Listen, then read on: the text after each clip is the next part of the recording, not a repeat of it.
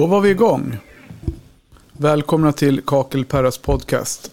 Idag ska vi prata om någonting himla intressant och avancerat men ändå kul. Vi ska prata om pooler som jag har lovat. Vi ska prata om bassänger och lite så. Och det gör man ju inte bara sådär utan att man har någonting på fötterna. Jag brukar ha lite på fötterna men jag, idag har jag säkrat upp med Helle Hansen strumpor och ett par re rejäla vinterkängor i form av Jan-Erik Johansson från Mapei. Tjena Janne! God dag, god dag! Trevligt att höras igen. Ja, detsamma. eh, att vi säger det igen, det är ingenting som de andra vet någonting om. Nej. Så kan det vara. Men vi, har ju en, vi har ju en historia ihop som är några år tillbaka. Så. Absolut. Den går faktiskt 18 år tillbaka tror jag. Ja, något sånt. Eller 19 till och med. Ja, 19 till och med. 24 började, började min karriär på Mapei. Mm. Så, så är det. Så det är kul att höras. Vad heter det? Ja, men hur är det i Göteborg och med dig? I Göteborg är det för omväxlings skull lite grått och regnigt. Med mig är det alldeles utmärkt. Jag sitter på insidan och tittar ut på det jäkla vädret. Ja. Att, och sen sitter jag ju på den sidan i Sverige där vi faktiskt fortfarande upplever det som otroligt positivt att vara i byggsvängen med ja. drag. Så att bara en sån sak gör det faktiskt lite gott. Ja, men det är skönt.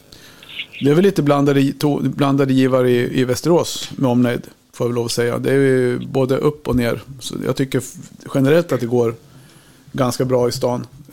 Sen är det ja. väl alltid så här, man ser ju lite grann i horisonten molnen som tornar upp sig, men det har vi inte sett någon effekt av riktigt än. Nej, vi får tro att mycket av det hinner blåsa bort också. Liksom. Ja, vi får jobba för det. Så gör vi. Får vi göra. Ja, vi ska prata lite eh, pooler och bassänger idag. Jag tänker vi går väl rakt på. De flesta vet vem du är. Ja. Så vi spelar ingen, spelar ingen liksom, eh, tid på det. Tid på det. Du jobbar ju som teknisk... Vad gör du? Du får se vad du har för. Har du någon titel som är rolig? Eh, special Project. Special Project, ja.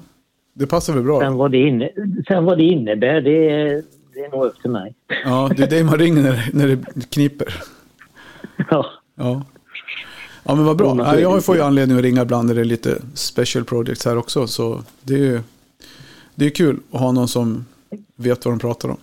Hur ser det ut med den sidan då? Om vi bara tar någon, några ord om det. På special projects för, för er och Mapei, ja, för Mapei och dig då. Hur ser det ut på, på den fronten? Är det mycket? Special project för oss det är väl, jag på allting som inte är det här bröd och smör, alltså rotjobb, nyproduktion av badrum, lägenheter och så vidare. Utan mm. det är mera allmänna bad, eh, privata pooler, eh, större spaanläggningar, hotell. Det är mm. väl det vi räknar, och så infrastruktur, det är det vi räknar in som special projects med. Ja. Och där är, det, där är det fullt blås över hela Sverige nu. Ja. Det, det, jag ser ingen avmattning varken på allmänna bad. Privata bad har ju varit en stopp men det kommer igen nu. Det kommer förfrågningar igen. Ja. Ja, men det är bra. Men så det där finns det att göra hela året i princip, eller? Ja, det gör. Ja, ja. De eh, entreprenörerna som är specialiserade eh, på platssättningssidan, de har ju följt det här året ut i alla mm. fall. Och tittar vi på nästkommande år också. Ja. Men, och då är det de som är, jobbar med de här typen av projekt, de är så kallade auktoriserade per företag. Är det inte så? De som jobbar med allmänna bad, ja. ja. Och, och det blir man genom att man går auktorisationskursen som BKR anordnar. För nu är det mer är det BKR-auktorisation, inte per-auktorisation som det heter.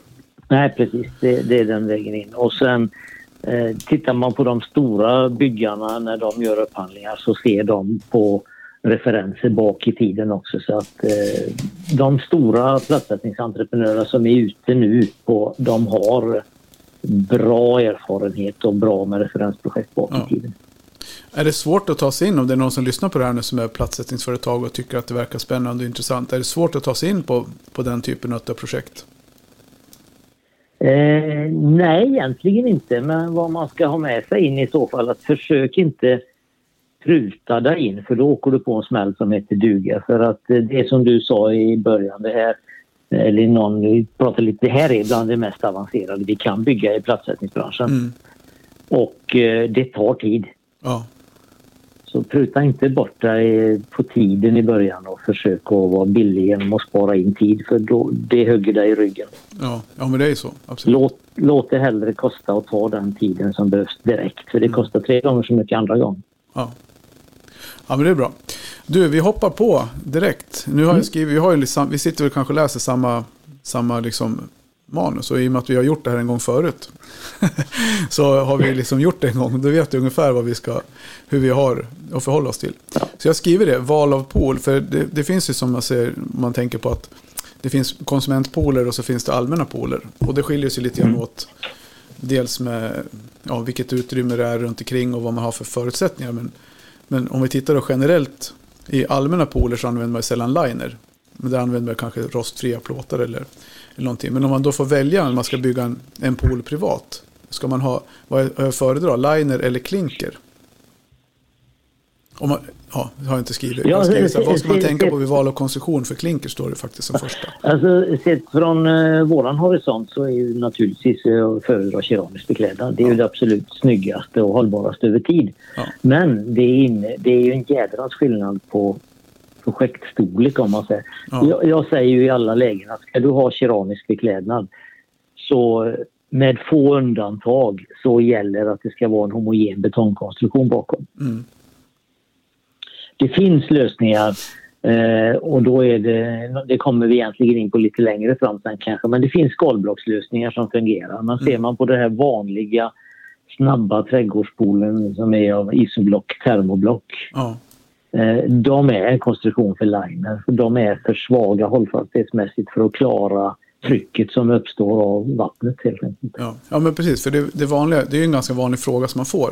I alla fall jag har fått den ganska många gånger under mina år. Att ja, vi har en, en pool som vi, ska, som vi har haft liner i, men vi vill sätta klinker. Och då blir det, ja men vad är det för Ja. typ? Och då har man de här isolerings, det ser ut som en stor isoleringsskiva som man har gjutit med betong Ja. i. Eh, Och det vet jag, det var väl ett av de första projekten som jag när jag var på Mapei att vi hade, jag vet att du och jag hade ju, då fanns ju inte Facetime. Men då stod vi ju Nej. man tryckte och man grejade och man tittade på den där och vi skulle försöka hitta på. Då blev det att man får ju liksom någonstans hitta en lösning som är tillräckligt stark för att efterlikna en betongkonstruktion. Jag tror det slutade med att vi för, förordade någon form av två centimeters la, flerlagers puts på isoblocket för att det Ja, överhuvudtaget skulle gå att platssätta. Liksom.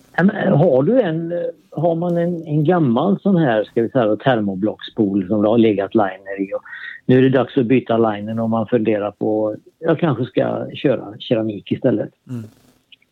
Och har man då möjligheten att justera detaljerna som ligger i, Ja. alltså belysningar, dyser, skimmers och så vidare så de går att anpassa till en, Mm. en keramisk konstruktion. För det skiljer lite på hur de är anslutningar och så vidare för liner och för keramisk beklädnad. Ja. Eh, så kan man mycket, anvä- mycket väl använda den här som stommen, eh, formsätta innanför och göra en motgjutning. Mm.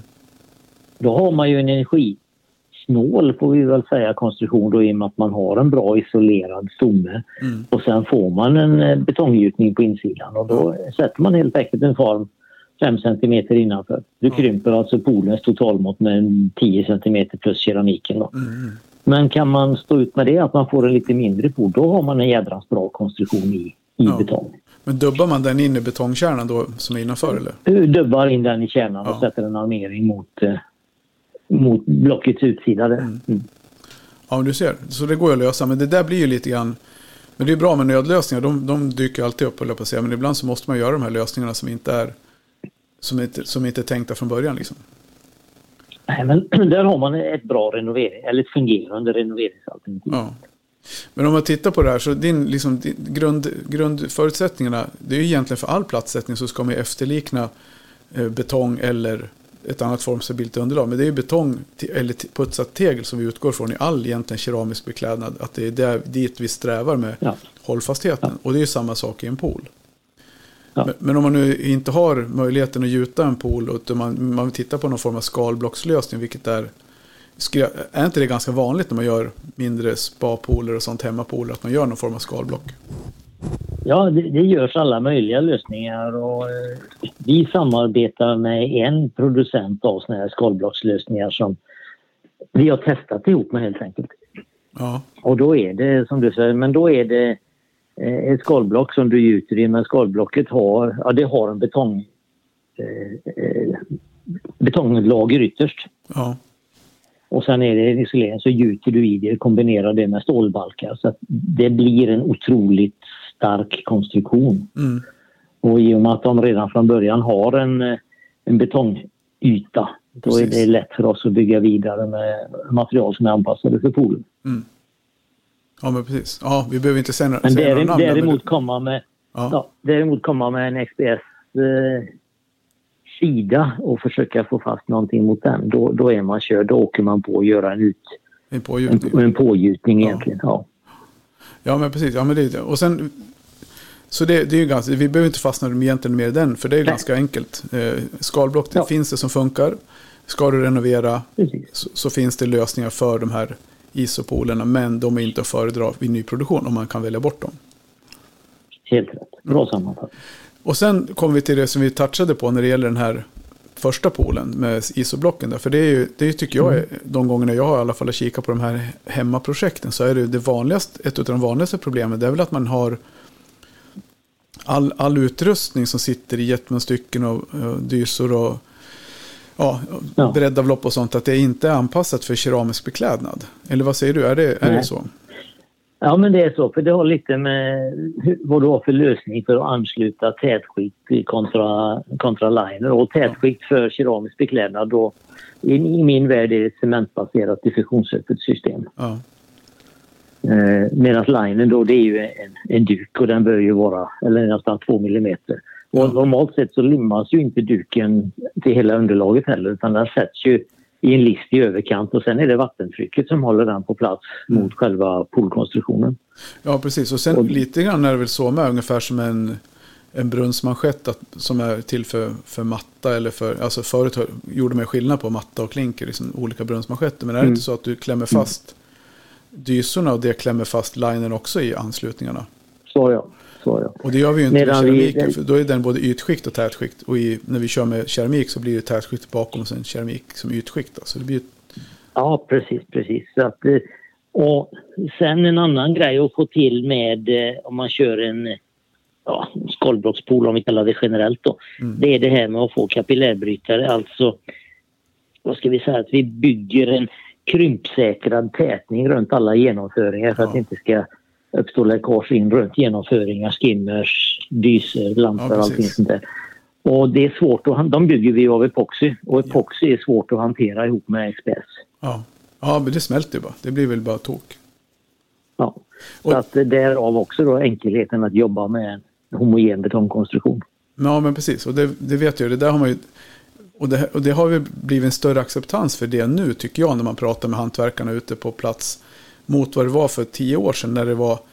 Ingen ville ha epoxy med i sina konstruktioner och alla var skyddade. Vi har ju, jag har ju jobbat enligt Mapeis liksom, bibel alltid och haft det för ögonen.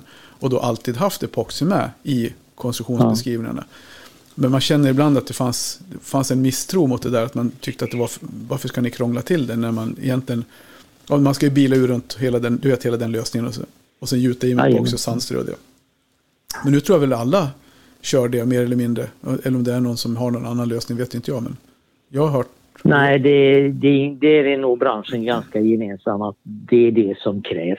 ja, Det, det är väl egentligen storleken och mängden kanske man skiljer sig lite grann på men alla har med det idag. Ja.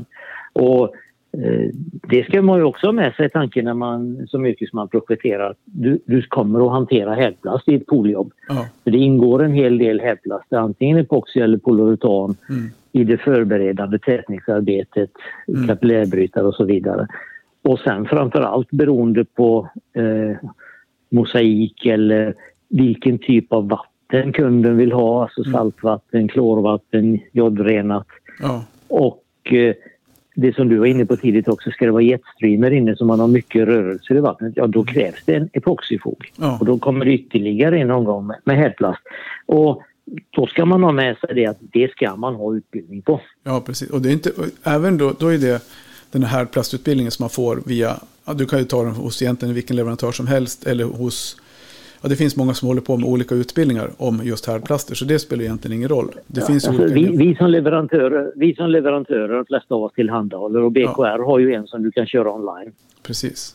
Absolut. Så det, det är Ja. en sak, tänker jag. Det var det jag skulle komma till. att Det är en sak att du får den här hur du ska hantera själva härdplasten säkerhetsmässigt och enligt lagkravet. Det är ju en sak. Exakt. Sen kommer det till här, hur ska jag hantera en härdplast rent utförandemässigt? Hur ska jag behand- blanda den? Hur ska jag tvätta? Hur ska jag... Och där tycker jag det finns en jättestor okunskap hos väldigt många. Och vi, de gångerna vi säljer epoxy så har ju, har ju vi en, ja, någon form av checklista. Vilka, vilken utrustning du ska ha, vilken, hur du ska göra, hur du ska tvätta. Hela den här biten för att undvika de här fallgroparna så du får härd, ja, någon hartskinna kvar som du inte får bort. Och att du, du liksom mer eller mindre kan ödelägga en hel platssättning. Liksom.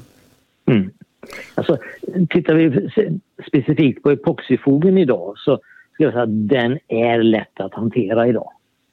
Det har hänt otroligt på de här åren sedan de började i branschen. Vi hade ja, den tidens epoxy, om vi kallar den för generation 1, så är vi ju då uppe på generation 3 och 4. Ja, absolut. Eh, vilket gör att den har blivit mycket användarvänligare. Men det är fortfarande en härdplast och den Mm. Ja. har sina framförallt eh, hälsomässiga effekter i Mm. appliceringsskedet. Sen är det ju en superprodukt. Ja, ja men det är det. Ja, men som sagt, och, och det finns det ju lösningar för. Så det, det får vi väl kanske Det ta ett separat Jajamän. avsnitt om det då. Ja, men då har vi... Då har vi ja, precis. Men då har vi liksom bockat av den då. Att det finns olika utrustningar. Att man ska tänka på det. Hur, man, liksom ans, hur anslutningarna ska utföras mot de olika typerna av ja, jetstrålar och hela belysningar, breddavlopp och sånt. Att det är viktigt att man har att man tänker på det liksom innan man åker dit och ska börja täta. Utan att man redan i, när man åker ut och tittar på jobbet eller när man börjar på med kanske en betongrenovering. Att man ser, okej den här, det här breddavloppet måste vi flytta ut eller flytta. Eller om man ska byta det så kan man kanske justera position för att få en så Ja. lämplig anslutning som möjligt för plattorna sen. Ja, precis. Nej, det, jag säger ju, det är ju läge. Tänk, för en, tänk till en gång. Eh, åk ut och titta på det. Sätt dig med din leverantör Ja, av eh, både keramiken och det tätskiktet du tänker jobba med. ja Kolla om de kan vara med ute och göra en, en besiktning komma överens om att i alla fall ramarna. Det, det är en fördel. Ja. Och har ni ingen leverantör som, som vill eller kan så ring mig. Jag hjälper gärna till. på skämt både samtidigt som det är lite allvar för det får ni gärna göra. Vi gör affärer med alla. Eh, men om vi, vi går vidare sen till punkt två. eh, Rehabilitering och åtgärdsförslag. Eh, och sen har vi Ja. första punkten där. Första steget är en poolrenovering av en betongpool. För de, andra är ju inte, är ju inte liksom... Vad skulle du säga? Vad, vad gör man där? Vad, vad händer första gången man kommer ut? Ja, vi, vi utgår ifrån att eh, säg att det är en pool som tidigare har haft keramisk beklädnad. Mm. Eh, gå igenom vad, vad är det som... Eh, vad är grundorsaken? Har den helt enkelt stått oanvänd i flera år och nu bestämmer man sig för att nej, vi kör igång den. Vi har den ju trots allt. Mm. Och så vill man göra en uppfräschning då. Ja. Eh, och grundsteget då i en betongpool är att utgå ifrån att all, alla befintliga ytskikt, alla befintliga fäst och fog och tätskikt ner till konstruktionsbetongen ska bort. Mm. Så det blir frågan om en, en fräsning, en slipning. ja, men precis. Eh. Och så man får bort alla, alla rester av det Ja, tidigare. du, du ska in till själva konstruktionsbetongen. Ja. Och sen när du har kommit dit så långt, och det här gäller det samma sak vid nyproduktion om du står och stirrar på en konstruktionsbetong. Gör en sprickkartering, gå igenom hur mycket sprickor är det och vilken typ av sprickor är det? För det är sprickor i en betongkonstruktion. ja, men det är det. Och då, Och så kommer man överens om hur de ska hanteras beroende på om de är genomgående eller om de är ja, egentligen mindre krympsprickor och så vidare. mm. Ja, men precis. Och då, då pratar vi om en, en befintlig, liksom, ja, om vi ska gå in och... Men sen hur, hur går det över liksom ytan? Kontrollerar man ytan på något annat sätt med draghållfasthet? Hur stark ytan är eller om den är påverkad av... Ja, det, det, det är också lite olika. Du kan ju göra det absolut enklaste det är att du bilar. Du gör en mekanisk Mm. test helt enkelt. Bila och rev tills du får en mekaniskt stark konstruktion. Det vill säga, slår du med hammaren i den så stötsar den tillbaks. Det är ju Ja. det absolut enklaste. Eh, men eh, det kan ju, beroende på var man är i Sverige också, så kan man dyka upp att man har problem med reaktiv ballast i, i den betongen som är där. Ja. Och så att den reagerar med att det är nya, nya bruk som kommer med att slå loss. Det är läge att göra en dragprovning, alltså att man limmar en provkropp och provdrar på ett par ställen. Mm. Och eh, i den bästa av världar har man också så pass tid så att man kan slå på med det här lagningsbruket. Och lagningsbruk menar jag, det är det bruk du använder för att putsa upp Ja. eller laga upp underlaget till släta ytor och Mm. ja, de innemått du vill ha. Så att de verkligen sitter fast. Ja. För det, man kan få överraskningar där. Men gör en provdragning och beroende på val av reparationsmetod och hur mycket man ska slå på så det absolut lägsta det är 0,5 MPa. Men upp till 1,5 om du ska på med mycket lagningsbruk eller utjämningsbruk. Vem är det som gör sådana här drag, provdragningar? Då? Gör ni det om man kontaktar Mapei? Eh, vi kan ju göra vägledande Ja. men eh, jag rekommenderar att man tar dit en tredje part. ja. Som kan vara som till exempel. Det. Ja. ja, det kan vara allting från eh, våra vänner på RISE till VSB till eh, ja, Okej, alla någon- möjliga de här någon konsultbolagen. De, ett konsult. Ja. Okej. Mm. ja, de har den tjänsten och den är, den är inte dyr. Nej, men det kan väl vara värt. Om man tänker sig om man nu... Om man nu sitter folk och lyssnar så tänker jag så här, ah, skitsamma, det där, det, det där är överkurs. Liksom, det kommer inte hända någonting. Men jag tänker, vad är det som skulle kunna hända rent krasst om man nu bara, man bara hackar den kaklet. Poolen har varit använd sedan 50-talet och sen har den stått använd under 20-30 år. Sen har den stått tom i 20 år. Och sen, eller, eller man har kanske helt plötsligt haft i någonting annat än vad den var avsedd för. Vad är det som kan hända med betongen bakom som gör att man behöver göra en provdragning? Om man inte gör det, tänker jag. Ja, största problemet med, med en gammal är kanske att du har reaktiv ballast. Alltså att den ballasten som är i betongen reagerar med kemiskt bry- slå ifrån sig den här nya reparationsbruken som kommer. Då, då släpper ju hela kakan som du har slått på. Ja, Och det är ju samma att om du har ett svagt ytskikt i betongen, de nya reparationsbruken, även om de är krympreducerade så har de ju en viss krympning i dem. Och är det då inte tillräckligt rengjort, tillräckligt rensat så kommer, då är risken att de drar loss och så har du en lös kaka. Ja, Ja, hela så- din nya pool släpper helt enkelt. ja. Och det vill man ju inte göra, för det är ganska mycket pengar och jobb med sånt där. Ja, det, det är ju dumt att göra jobbet två gånger. Vi som leverantörer på material, vi kanske kan säga att vi tjänar en krona på det, men Mm. eh, nej, det där, det... Men mekaniskt stark, det är egentligen det viktigaste, att man ser att eh, det håller emot och att man inte har massa sprickor. Ja. Och sen när man ska komma vidare därifrån, hur ska man tänka där med val av system? Finns det liksom... Jag skriver varför Ja. samma leverantör. Det är väl en icke-fråga. Men jag tänker hur ska man tänka med val av system? Tänker jag mer. Ja. Ja, eh, ja, det hänger ju på vad du ska ha för ytskikt. Men eh, grundutgångspunkten återigen, vi har en betongkonstruktion. En betongkonstruktion säger ju våra rekommendationer från byggkeramiker. då, Den ska vara vattentät i sig. Mm.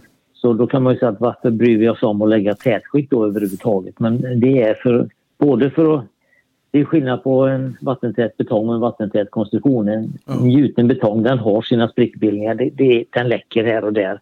Så därför lägger vi tätskikt. Och sen har ju tätskiktet då utöver att hålla vattnet i bassängen den uppgiften att det ska skydda betongen bakom från fortsatt nedbrytning Mm.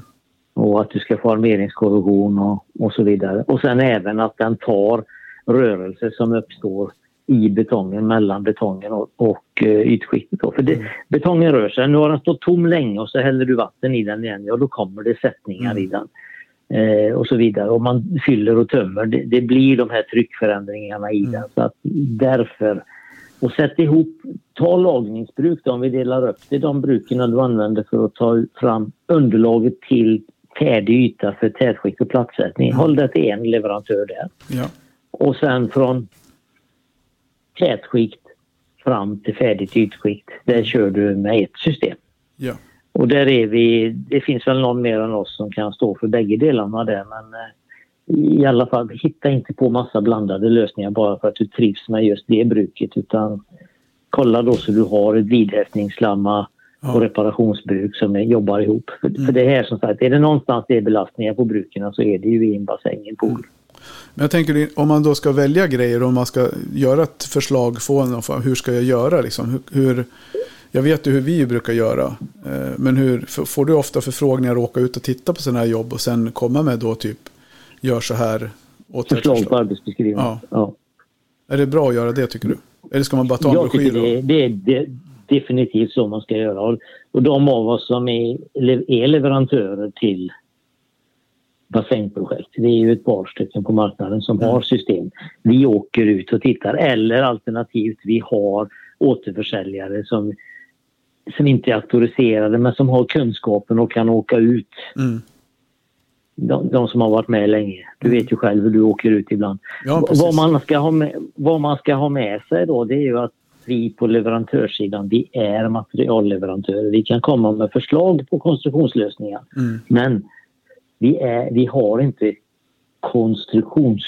Vi får inte ta konstruktionsansvar. Nej. Vi kan säga att den här, det här systemet det fungerar. Mm. Men projektets konstruktör, ansvarig konstruktör, och det är ju byggherren själv om man inte har utsett någon annan, ska mm. godkänna det innan man kör igång. Okej, okay, ja. Hur löser man det rent i en konsumententreprenad? Har du någon koll på det? För jag menar, det blir ju den som tar åt sig jobbet blir ju ansvarig entreprenör. Men det är fortfarande kanske, mm. och, och privatpersonen som bor där har ju ingen riktig koll på vad som ska göras då.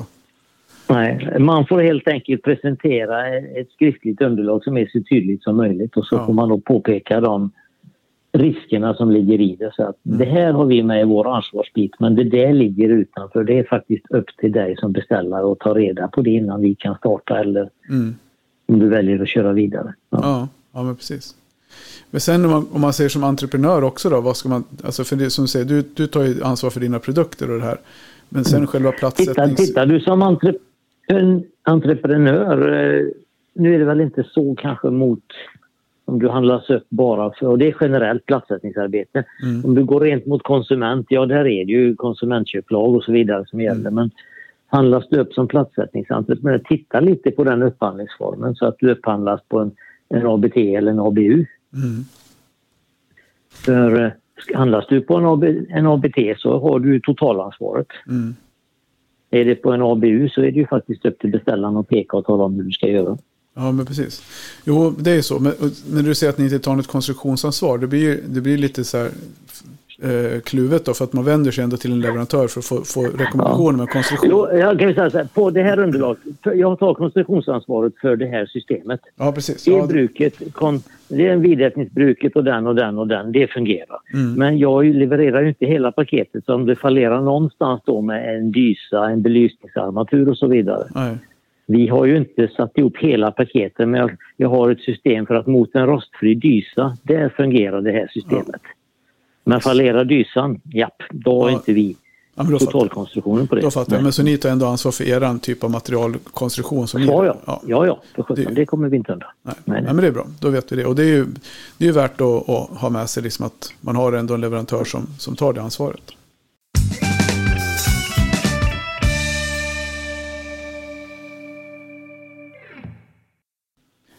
Ja, men vad bra. Det är bra. Eh, om man nu tänker det här med rekommendationer som ni gör. Om man nu skulle få för sig att man hittar på någonting som går utanför det en leverantör har rekommenderat. Vad, vad riskerar man då?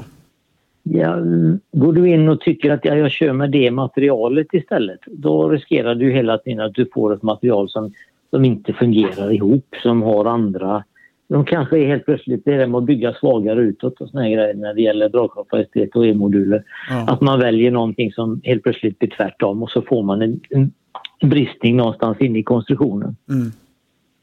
Och då hamnar man ju lite grann i den här diskussionen vem som tar ansvar för konstruktionen, eller hur? Rent ja, då står, du till, då står du tillbaks där i att går, gör du en ändring utan att kontrollera den i så fall gentemot leverantören. Du, vi tänker göra så här. Mm. Har ni någonting som fungerar eller kan jag ta detta? Ja. ja då är det upp till oss i så fall att säga ja eller nej. Ja. ja. ja. men precis. Och sen kommer man till det här med val av produkter också som vi har en punkt innan där.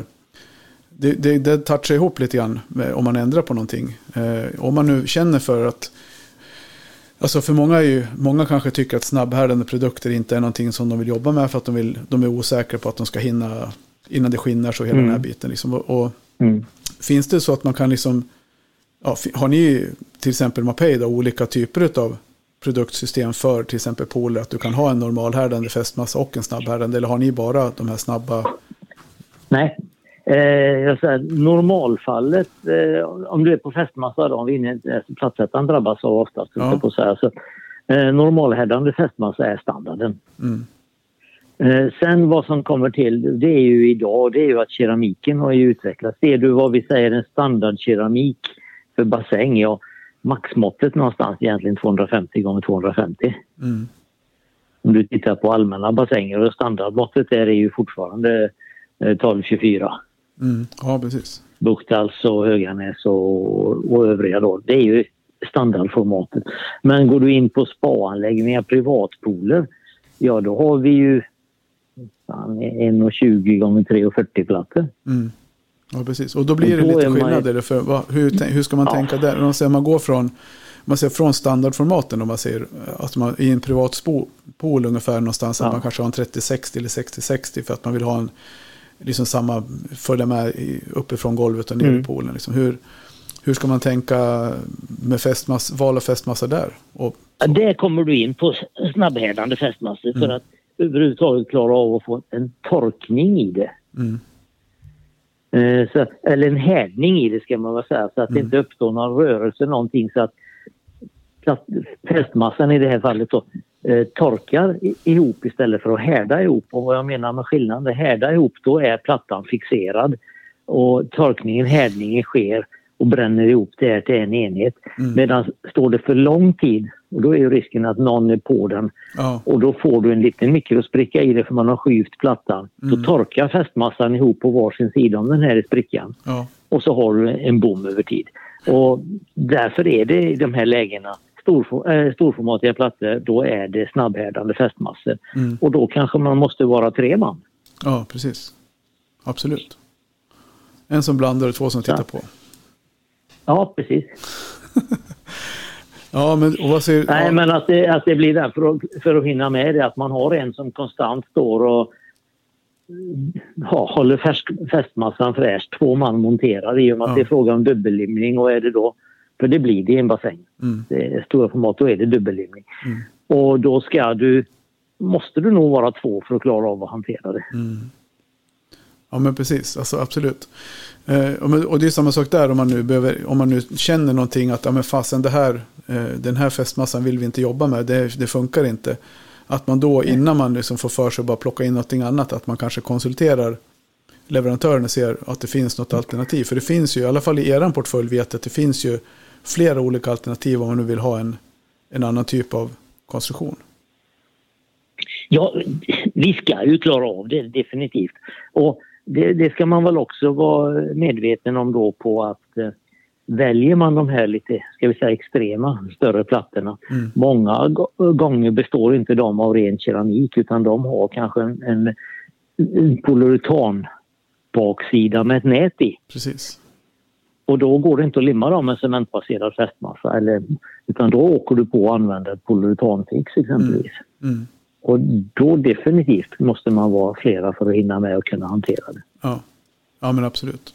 Och det är just det där också som är viktigt att, att, att prata med rätt personer så att man inte, så att man inte eller våga prata med rätt personer skulle jag vilja säga också. Eller våga prata med mm. någon överhuvudtaget och inte vara den här att man tycker att, att det här med fan, det där är bara, de där snackar bara för att de vill sälja grejer. För det argumentet har jag faktiskt fått några gånger när vi har varit ute och lämnat pris på, på pool och konstruktion och sen kommer med att vi behöver gjuta poolbotten med det här bruket. Och vi behöver göra si, mm. vi behöver göra så. Och så får, säger då entreprenören att äh, de där säljarna, de säger så där för att sälja grejer. Och sen så gör man någonting mm. annat på botten och sen så går man vidare med, med poolkonstruktionen från liksom, ja, pågjutningen eller någonting uppåt. Ja. Och då har man ju gjort samma sak som i, i punkten 2.4, ändra rekommendationer. Eh, ja. Bara för att man tror att någon vill tjäna pengar på det man gör. Och det är klart att det, det handlar om att sälja grejer, men när man säljer en paketlösning så handlar det inte bara om det. Då kanske det är bättre att ta diskussionen och fråga, du jag tycker det här verkar dyrt, finns det någon, något alternativ som är billigare? Ja, precis. Och många gånger finns det det att man kan eh, liksom ändra lite i, i tidsplaneringen. Ja. Så att, för, eh, ibland krävs snabbhärdande fästmatta för att den keramiska konstruktionen, för att den ska klara av att ja. torka och härda så krävs det. Men eh, Och ibland så använder du snabbhärdande för att du köper tid, för det är ju det klassiska. Att nu ringer folk och säger att det är midsommar eller skolavslutningen, då ska vi bada. Ja, precis. Och då kanske du kan spara in tre veckors totaltid på att använda en snabbhärdande fästmassa istället för normalhärdande. Mm. Men eh, annars så ser jag egentligen inget, om inte plattstorleken eller plattypen kräver det, inget mervärde att jobba med snabbhärdande fästmassor. Nej, precis. Ja, jag tänker likadant på om man ser pågjutningsbruk och sånt. För det kan ju också skilja ganska mycket pris om man ser att man har en, Ja.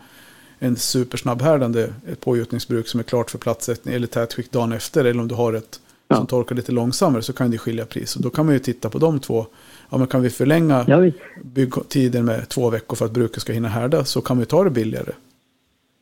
Nej, för, för snabbhärd, vad vi gör när vi har våra snabbhärdande, ja visst ibland så man släpper fram andra men vi säljer ju tid egentligen med det. Mm, absolut. Vi, det, det kostar de här kronorna mer, då kan du gå vidare imorgon. Mm. Är du, kan du vänta tre eller fem dagar, ja då, kan, då betalar du det här istället. Och du kanske upplever själv att du har lite bättre tid på det att justera ytorna för att de torkar inte ifrån dig och så vidare. Men vi, annars så säljer vi tid.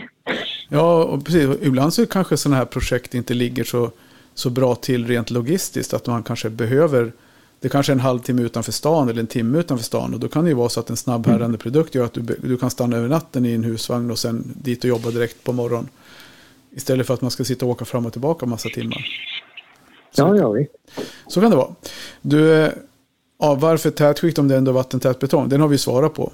Eh, och det var ju, det har Ja, att göra det, med, det, det, med ja, mikrosprickor. precis. Det är ju skiljan. Det skiljer på vattentät betong och vattentät konstruktion. Och Ja. för att få en vattentät konstruktion då behöver du oftast även ett Mm. tätskikt. Och det har så många andra vinster som sagt betongskydd och Mm. deformationsskydd och så vidare. Ja. Vi kan ju ta ett väldigt bra exempel på det när vi hade de här typen av diskussioner en gång som projekt som du och jag hade gemensam del i. Det var ju uppe i Skellefteå, Eddahallen.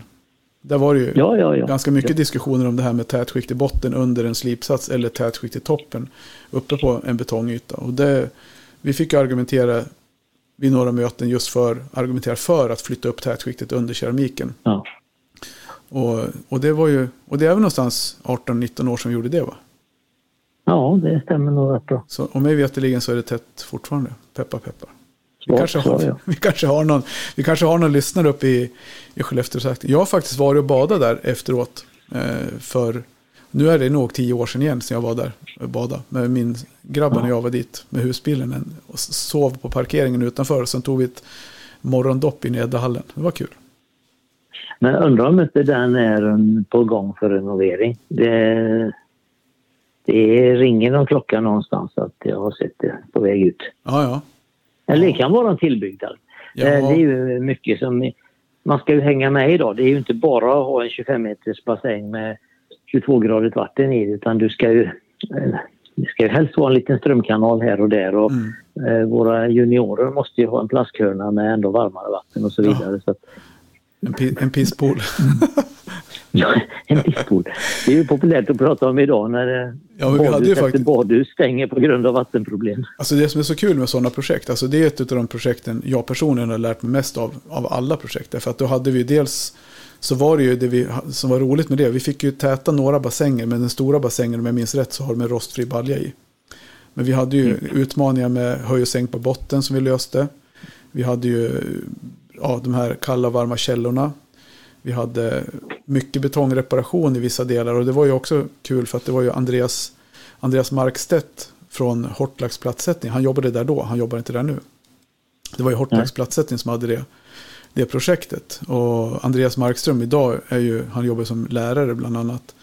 Och expert i yrkeslandslaget. Det, han var ju min kontakt på plats där uppe. Och det var ju alltså, så Okej. sjukt intressant att se hur de, när de putsade. Och alltså jag är ju murare själv, men jag är ju, har ju inte jobbat med så mycket som murare. Så att se de killarna verkligen älska bruket och bearbeta och fixa och, och putsa efter laser. Det var ju helt, det var magiskt. Så nej, det var häftigt. Häft, häftigt projekt. Oh, ja. Ja, Nej, men det, och det har ju blivit standard idag. ja, precis. Och det var ju mer diskussioner då tror jag om det här med bitumen, matta, pågjutning. Än vad det är idag. Ja. Och det är ju bra, för det blir ju en bättre lösning tycker jag i alla fall. Man, Ja, ja, visst sjutton gör det. Alltså, vi, vi bygger ju idag för att hålla en så torr konstruktion som möjligt. Och ju högre upp vi har tätskikten så ja, ju torrare konstruktion ju längre livslängd. Ja. Val av keramik har jag skrivit. Finns det bättre och sämre alternativ? Mosaik i Polen, vad ska man tänka på? Större granitkeramik, vad är det för risker med det? Jag vet inte vad vi ska börja med. Mosaik i Polen, när, när har man det och vad ska man tänka på? Har du några tankar där? Eh, mosaik i Polen, det tycker jag är jävligt snyggt. Det är ju konstruktionsmässigt väldigt bra. För du, du, risker, du har mindre risk för påkänningar vid tömning och fyllning på grund av att du har mindre risk för luftfickor bakom så det kan stå vatten bakom och påverka trycket när du Mm. tömmer ur vattnet. Eh, du får bra vidhäftning till mosaik. Och det, det, är snyggt. Och det, du kan ta upp eh, former som inte bara är fyrkantiga utan halv, halvrunda och runda former och så vidare och bänkar i pool och allting. Mm. Eh, vad man ska tänka med det är att kolla upp så att mosaiken eh, mycket av mosaiken är ju monterade med ett nät på baksidan. Mm. Eh, då ska man kolla upp både med, framför till att börja med genom leverantören och mosaiken, att det där nätet verkligen är alkalistabilt. Alltså att Ja. Miljön bakom plattan när du får fuktig, kommer in fukt där bakom, Mm. att det inte bryter ner glasfibernätet. Ja. Och att nätet sitter fast till plattan också med ett lim som är vattenfast. Mm. Eh, risken med täta lim, eller täta nät rättare sagt, är ju att fästmassan när du sätter mosaiken, den kommer inte åt mosaikplattans baksida utan Nej. det är, så mycket, det är så mycket nät och så limmar du fast nätet Ja, och så släpper det här limmet som håller fast nätet till mosaiken och då lossar mosaikplattan. Nej, men Så att, eh, papperklädd framsida. rekommendationen är ju Ja, ha, eh, papper eller plastark på framsidan. ja. Och då kanske plast är lättare för då ser man mer om man får fix igenom så man kan kanske Då peta ser hål- man mer igenom. Ja, peta hål i plasten och ta bort det på en gång. För det gör man till exempel med epoxy eller någonting. Ja, fördelen med epoxy att sätta med det är väl att man har också möjligheten att foga med samma färg. Och då spelar ju inte genomslagen så stor roll va? Nej, precis. Du, vi ska ta ett ord från våra sponsorer här. Häng kvar.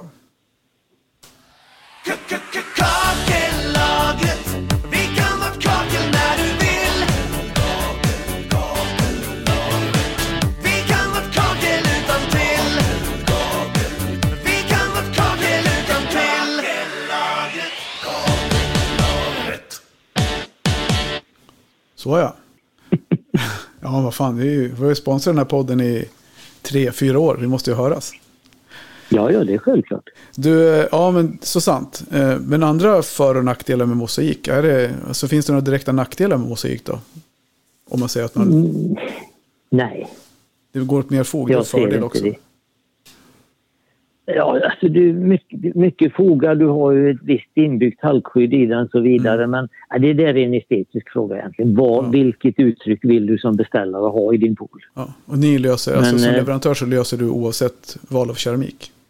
Ja, det, det gör vi. Det, vill man ha en snygg mosaik och den är anpassad för bassäng, ja, Mm. inget snack om saken. Då ser vi till så den sitter fast. Det, Ja, det gör vi. Utan det är ju det där som du säger, det är med genomslag när man monterar. Men då kanske man, man kan tänka på kulör på fästmassan i alla fall så att man har minimal påverkan. Och Mm. Är det en glasmosaik då, då bör man ju ha en vit fästmassa för att behålla så mycket som möjligt av lystern i, Mm. i glasmosaiken så man inte, inte dödar uttrycket i mosaiken genom att grått fix bakom. Nej men precis, och det där är viktigt. Och det är likadant om man ska... Ja. Vad säger du om natursten i, i pooler och så? Är det... Oh, eh, ja, eh, natursten är ofta fuktkänslig. Mm. Det låter ju lite krömt med, vi har ju berg och sten ute överallt. Som, ja. Men eh, sågat material eh, påverkas ofta av eh, fukt. Mm. Kan slå sig. Eh, påverkas också en del beroende på vad du har för vattenkvalitet. Men eh, visst finns det natursten som fungerar och blir väldigt snyggt också. Mm. Det är ingen snack om saken. Men kolla det med Ja, stenleverantören, får Ja. börja där. Ja. Så man börjar, börjar med att välja rätt så att säga, material. Men då tänker jag så här. Rätt material och Det svensk känns, ju, sten. det känns ju som att egentligen att sätta en natursten i en, i en pool när vi har så fantastiskt bra granitkemik som har en känsla av all natursten vi har och till uppbringa och mer ändå. Nej, jag, skulle, jag var på väg åt det hållet också idag så med den keramiken som är så visst. Men det här med storlek, större granitkeramik då, om man, säger, man tänker sig 30-60 plattor eller någonting, 60-60, 60-20. Eh, vad, vad är det för risker med det?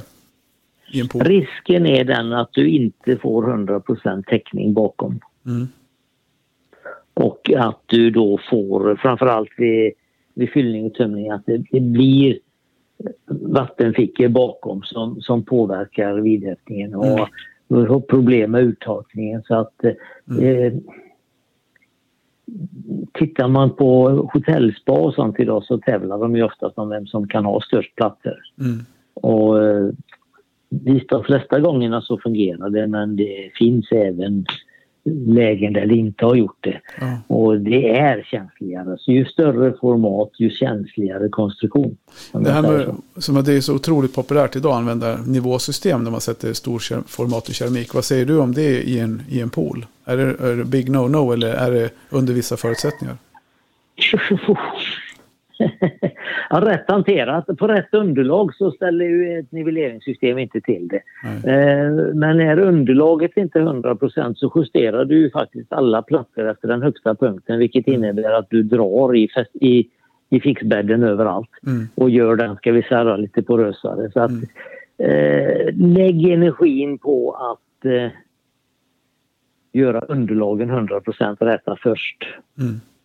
Och så... Eh,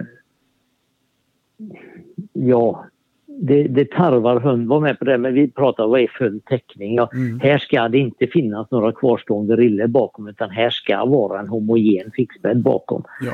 Och risken, risken för att inte uppnå det den ökar om du använder nivelleringssystem. Så att Mm. det kanske gammalt klassiskt hantverk med gummiklubba ja, precis. just i pooler är bättre.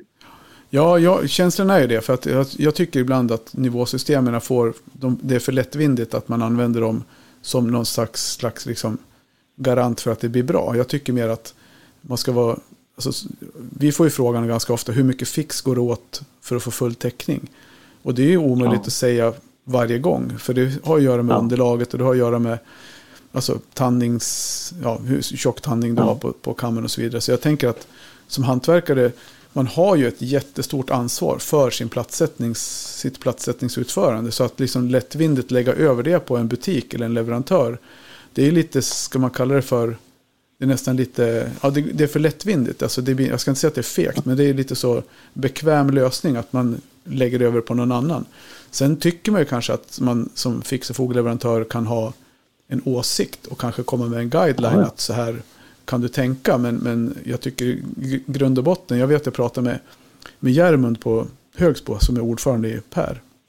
Vi hade en ganska bra diskussion han och jag om det där på ett, efter ett BKR-möte. Vi satt och tog en öl och pratade om det och hur han har jobbat liksom internt. Han sa det till mig, jag skiter i vad mina leverantörer säger till mig, att jag, hur jag ska göra. Jag testar själv och ser hur jag vill att det ska bli. Och, då gör jag det som krävs för att det ska bli som jag vill ha det. Och det tycker jag är liksom, och de är ju stora på poler. Det är ingen snack om det. De är Ja, duktiga ja, på sina inget snack om saker. och det kanske är en anledning att de är stora på poler. Därför att de har, en, de har skaffat sig en egen liksom, typ av tanke om hur de vill att det ska utföras.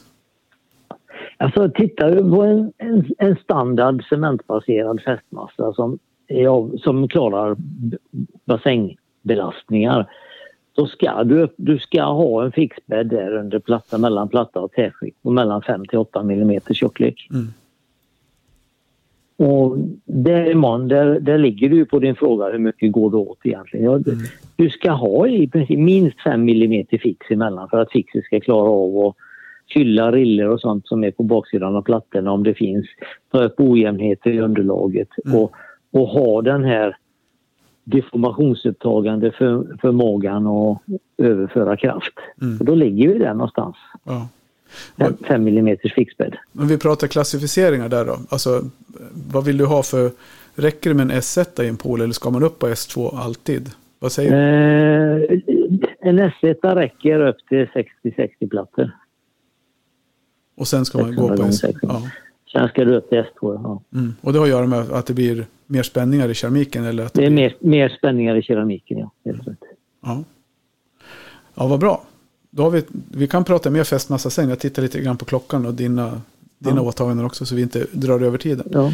Jag tänker på, vi kommer in på nästa punkt. Då har vi avverkat fästmassan. Vi ska prata fogmaterial. Det har vi också touchat lite grann i inledningen där med, med rörligt vatten, med olika renings, val av olika reningar, val av keramik kanske. Eh, vad, vad, vad ska vi tänka där? Liksom? Jag, jag vet ju min, min åsikt, men jag vill hö- höra dig tala.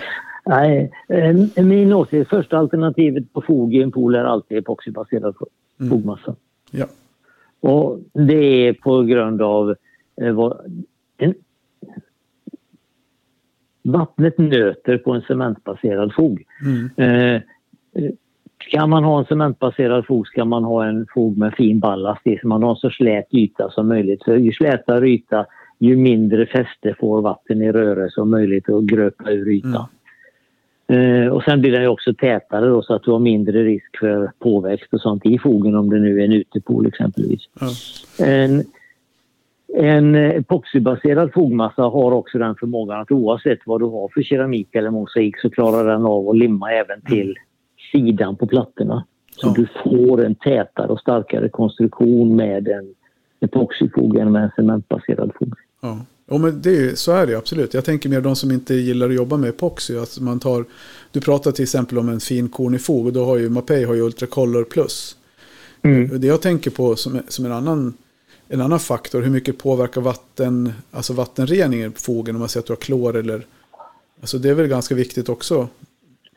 Hur, hur Ja, liksom alltså, det, ja, klor i, sig det, det, det klarar en cementbaserad fog. Så vad, det är mera man ska titta egentligen på vad du har, vattnets egenskaper, hur hårt vatten är. Har, har du hårt eller mjukt vatten, alltså det, vattnets förmåga att lösa kalk. mm, Har du problem med att du har vatten som löser ut kalk, ja då ska du definitivt ha en, en epoxybaserad fog. För annars kommer ju fogen direkt lösas ut och det, det är olika var du är i Sverige, vad du har för vattenkvalitet. Och det är ju på, det, på, på dricksvattnet om man säger. Det kan vara dricksvatten men det är ju även hårt eller mjukt och kan variera lite i pH-värde också så att även dricksvatten kan lösa ur en cementbaserad fog mm, men ändå vara tjänligt. ja. Ja, men precis. Annars så brukar många förorda att man har en epoxyfog i, i vattenlinjen och upp en bit. Eh, Och sen och i skvalprännor och Ja, sånt. man, men, man kan så här, 30 till 50 centimeter under vattenytan och upp över skvalprarna om man nu har en som ligger i, i, i bjälklaget. Mm. Och så runt dyser där man har vatten i rörelse. mm, Eh, är alltså allting där du har vatten i rörelse. Och är, det, är du då på en mindre privatpool, ja då kanske det inte blir så stor yta kvar så du kan lika gärna foga med epoxy ändå. mm. Ja, men precis. Ja, det var ganska enkelt. Ja, Och sen den sista frågan. använd epoxy. Ja, använd epoxy. Sista frågan, mjukfog eller inte? För det, har man ju, det där stöter man på hela tiden, att fog, silikonfogen Ja. blir upplöst av i poolen, att den försvinner med tiden. Mm. Se, se det så, se, alltså rörelsefogar, det måste vi ha för att det är en betongkonstruktion. Den kommer att röra sig över tid och krympa. Och beroende på hur stor pool du har, men i alla fall där man har alltså golv, väggvinklar och, och hörn. Eh, om du har någon vinkelförändring på djupet i botten, där, där ska det vara en rörelsetagande fog. Och är det en större, större bassäng så delar man ju ofta in även botten i, i fält. Mm. Eh, och silikonen är, eh, det är den svaga punkten kan man säga för den har en eh, mycket kortare livslängd än poolen i övrigt. mm. Men det får ligga på underhåll, att man sätter det som en, en underhållspunkt, att man besiktar mjukfogen varje år och räknar med kanske efter fem år att du får gå in och byta den. Mm. ja men precis. Men man behöver ändå ha den för att, för att du ska få en, en konstruktion som det lever över tid, håller över tid. Ja precis, vi måste, för annars blir det en helt stum konstruktion, då kommer sprickorna någon annanstans. Så att, eh, det är bättre att vi ger konstruktionen möjlighet att röra sig där vi har kontroll på det.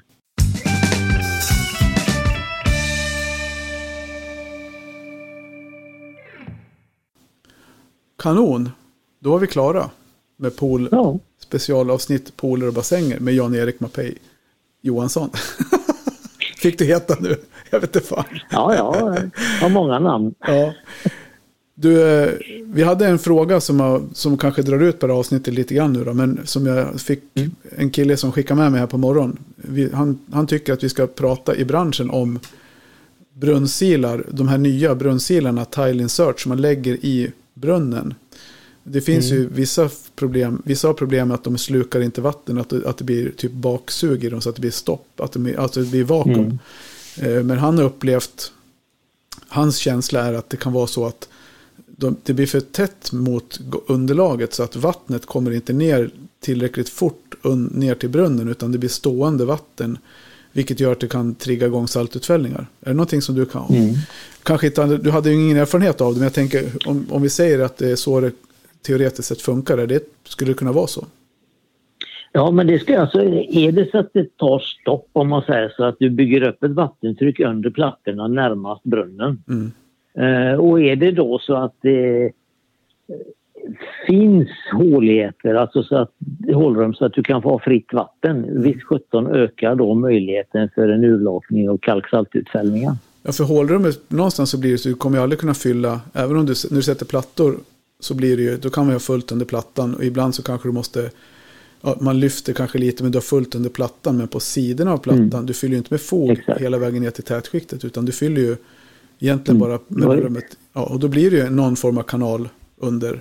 Precis, och så länge du har sådana kanaler så har jag då, då, då kommer det att uppstå. Ja, det kan det åtminstone i samband med, ja sen i samband med Ja. golvvärme så att säga så kan det också. Ja, ja. Och så står det ändå då står still länge där mot Ja. innan det går vidare och kommer ner i brunnen.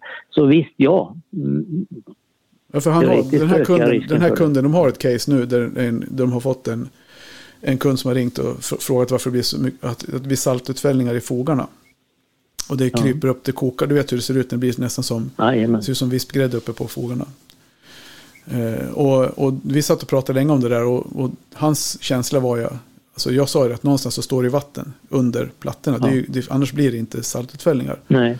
Och, eh, och då var ju han, han hade ju den teorin eh, att eh, det är de här brunnsilarna som är en del av problemet. Att de, det blir för tätt och det tar för lång tid för vattnet att rinna ner. Därför, eller ja, inte så. Men han sa att det blir för tätt så att vattnet inte kan rinna ner.